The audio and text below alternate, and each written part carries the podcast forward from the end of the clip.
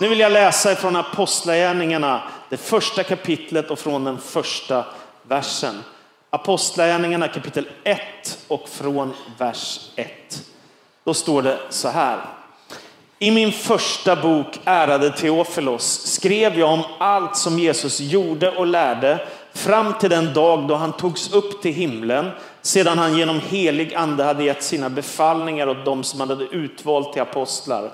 Han framträdde för dem efter att ha lidit döden och gav dem många bevis på att han levde, då han under 40 dagar visade sig för dem och talade om Guds rike. Och under en måltid tillsammans med dem sa han åt dem att inte lämna Jerusalem utan vänta på det som Fadern hade utlovat. Det som ni har hört mig tala om, sa han.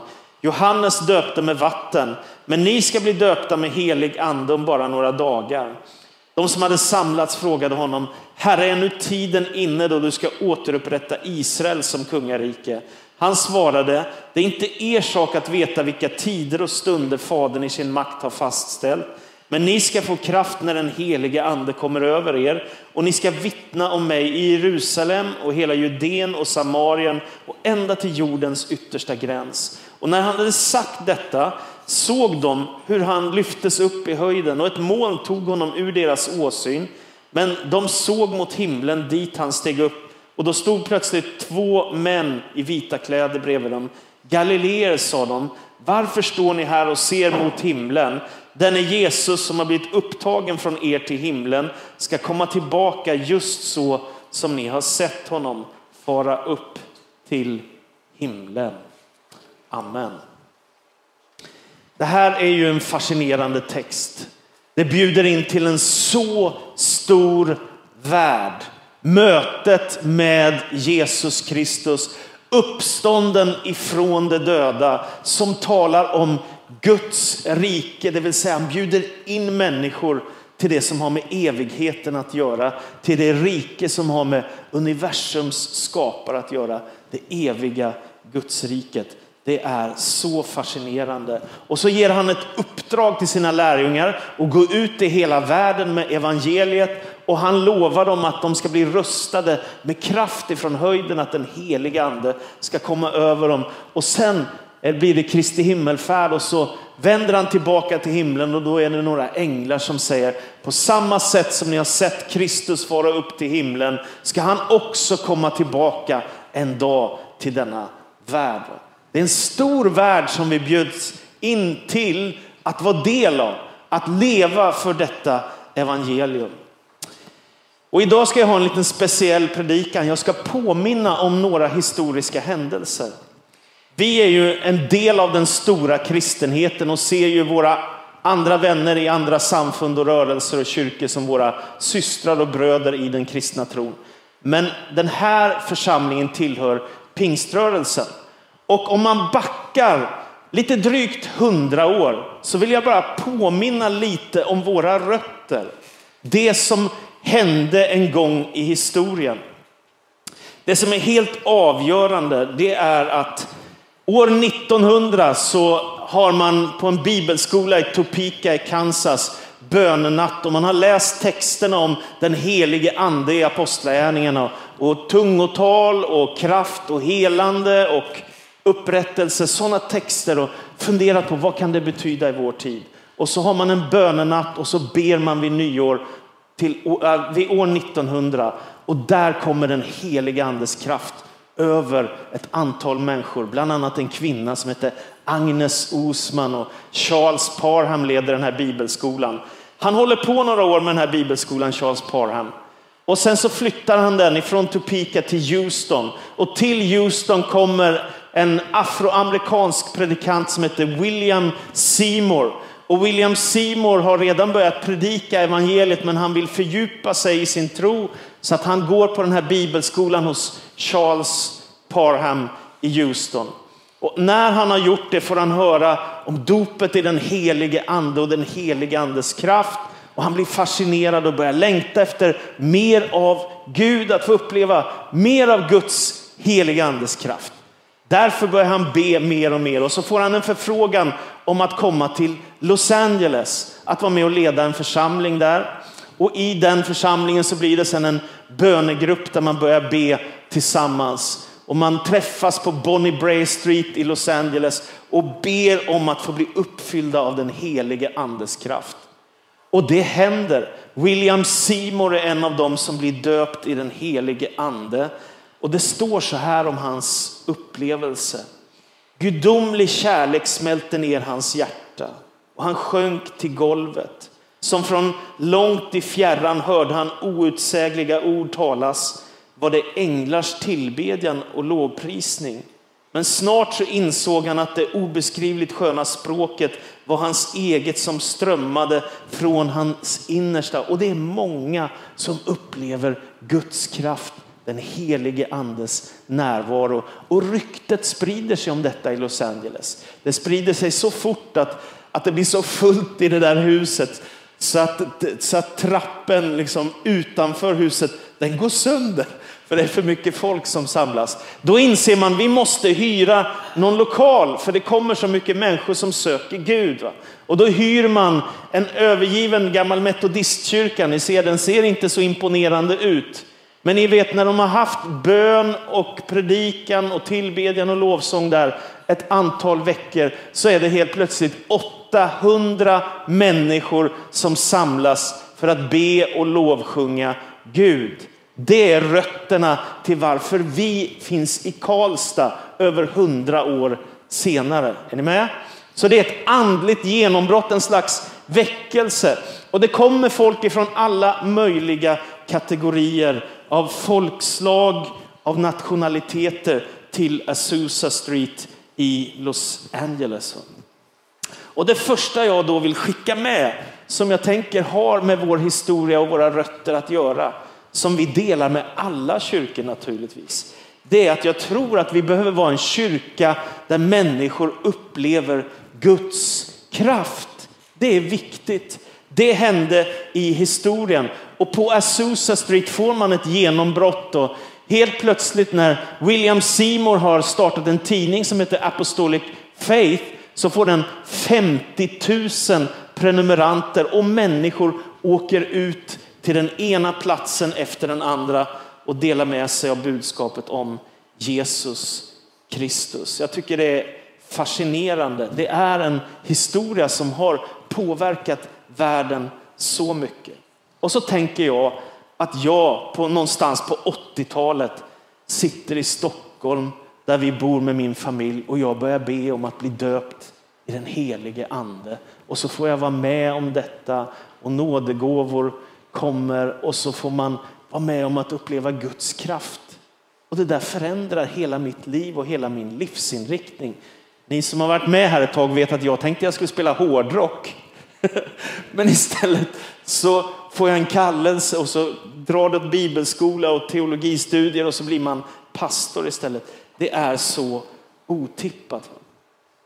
Nu har vi sagt här, nu kommer vi ha en bön och fastemånad här framöver. Och jag vet att det är svårt att samlas, men som vi sa tidigare så kan man också vara med hemifrån och följa med på Zoom här framöver.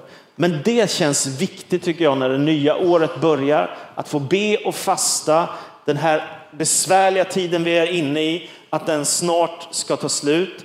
Jag vill också uppmuntra er, vi har sagt i vår församlingsledning här att det här året så läser vi den här 365 dagar med Jesus, en andaktsbok. Och har du redan den så finns det en ny andaktsbok som heter 10 minuters paus med Kajsa Tengblad. Och i vår församlingsledning har vi sagt att vi ska läsa boken Gudslängtan. Den finns här ute och köpa efteråt om du vill ha. Så att vi tänker, vi vill vara med också och uppmuntra till andaktsliv, till nära gemenskap med Jesus Kristus. Jag tänker att om människor får uppleva Guds kraft så kan det förvandla en människas liv och en människas livsinriktning. Och så bör man också leva med det personliga andaktslivet.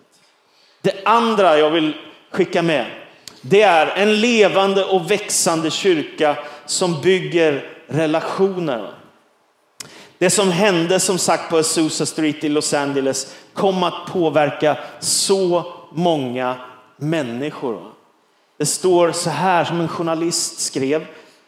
Vi hade en mäktig tid på Azusa Street. De heliga ödmjukade sig och himlens atmosfär var där och det tycktes som att alla måste gå till Azusa Street.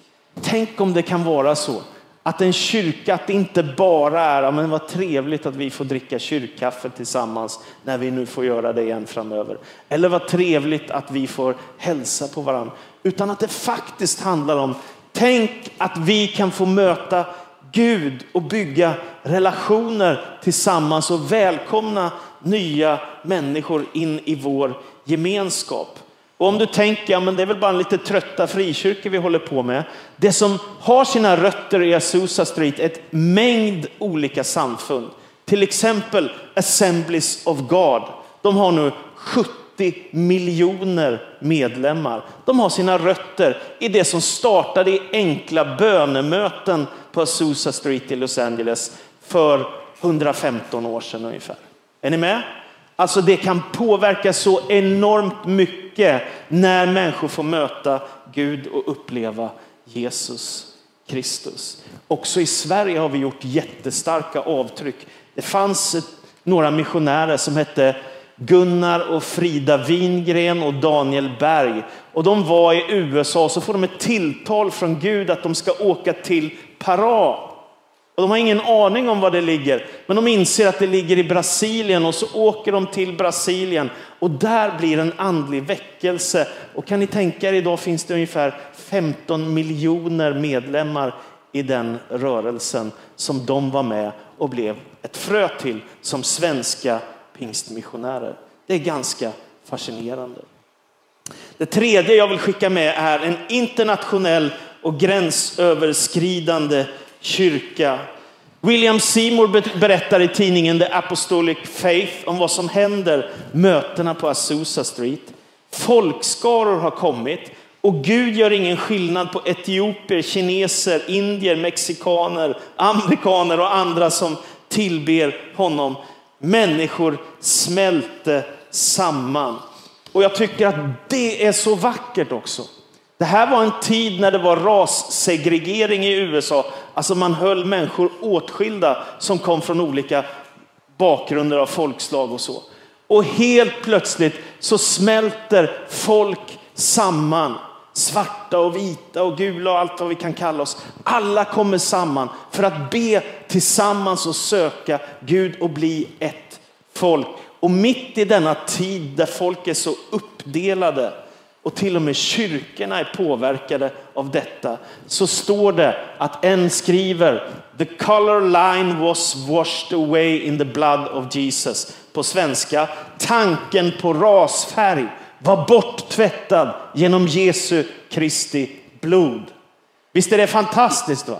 Var i hela världen kan man få en gemenskap där folk älskar varandra, vill umgås tillsammans, går över gränser och lever tillsammans från en mängd olika nationaliteter? Jo, i kyrkan därför att den är en global gemenskap där alla människor är välkomna hem till Jesus Kristus. På det sättet har evangeliet spridit sig till så många länder.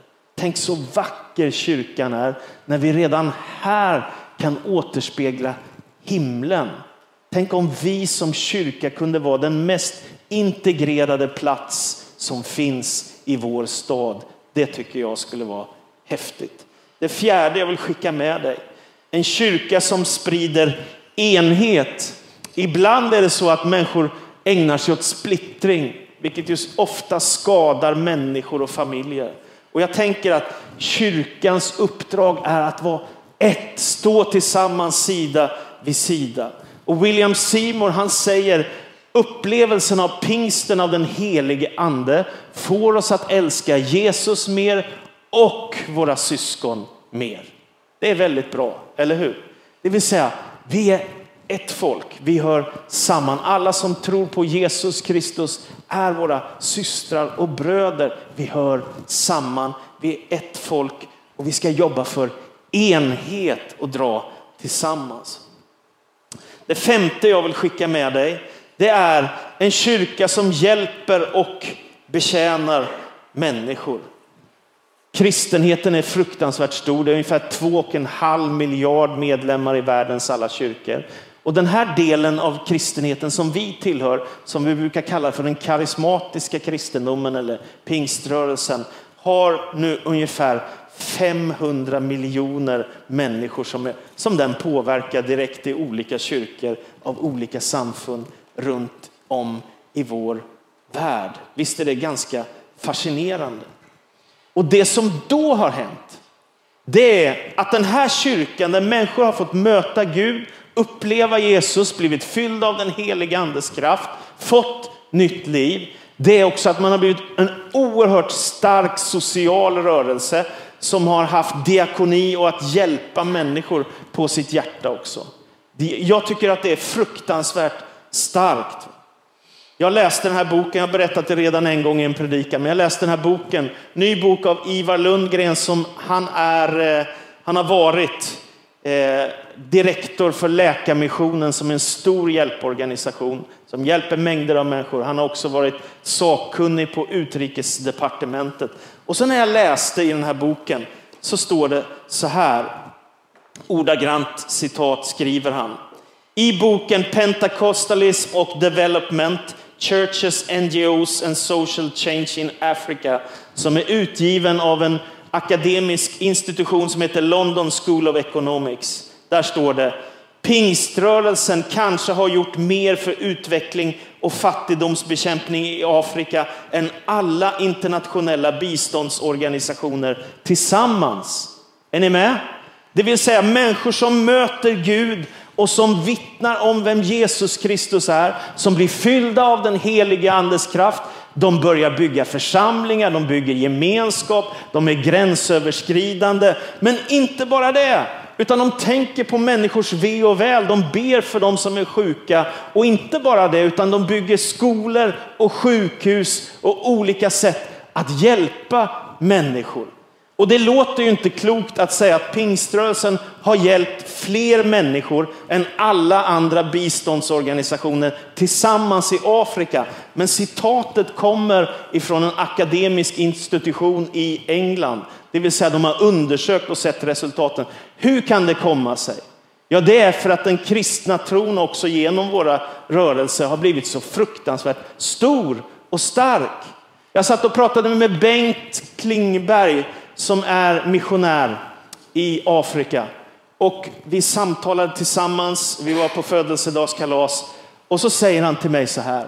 Sam, vet du nu att i Östafrika och Centralafrika, som, där vi har skickat ut pingstmissionärer från Norden, så är det nu ungefär 20 miljoner medlemmar i de församlingarna som är grundade av missionärer ifrån vår del av världen. Det är nästan så att det är värt ett halleluja som man sa förr i tiden. Eller hur? Visst, det, det, det är otroligt. Vi kan tänka, men vi är bara 90 000 i Sverige. Ja, men kristenheten är mycket större. Ja, visst, det vet jag. Men om du tittar ut globalt så kan vi räkna i tiotals miljoner människor av vad vi har gjort i internationellt arbete. Och det handlar om att predika evangeliet och att dela med sig av Guds kärleksbudskap. Men det handlar också om att betjäna och hjälpa människor som har det svårt. Till sist, jag önskar också att vi ska vara en sökarvänlig kyrka. Det är verkligen min bön. Att nya människor i vår stad ska få känna, jag är välkommen hem här. Jag är välkommen att vara en del av den här gemenskapen. Spelar ingen roll vilken bakgrund jag har. Spelar ingen roll var jag kommer ifrån för land. Spelar ingen roll hur jag har det ekonomiskt, om jag är frisk eller sjuk, om jag är stark eller om jag kämpar med min hälsa. Alla är välkomna och jag skulle önska att människor skulle få känna, här kan jag få vara med. Här kan jag få göra en resa mot Gud. Här kan jag få lämna mitt liv till Jesus Kristus. Tänk om vi också kunde få vara en plats där människor kommer hem till Guds faders famn där människor får uppleva Guds kraft, där människor är del av en levande och växande kyrka som bygger relationer. En internationell kyrka, en växande rörelse av enhet och kärlek som betjänar och hjälper människor och där sökare kan hitta hem till Jesus. Det är min bön. Amen.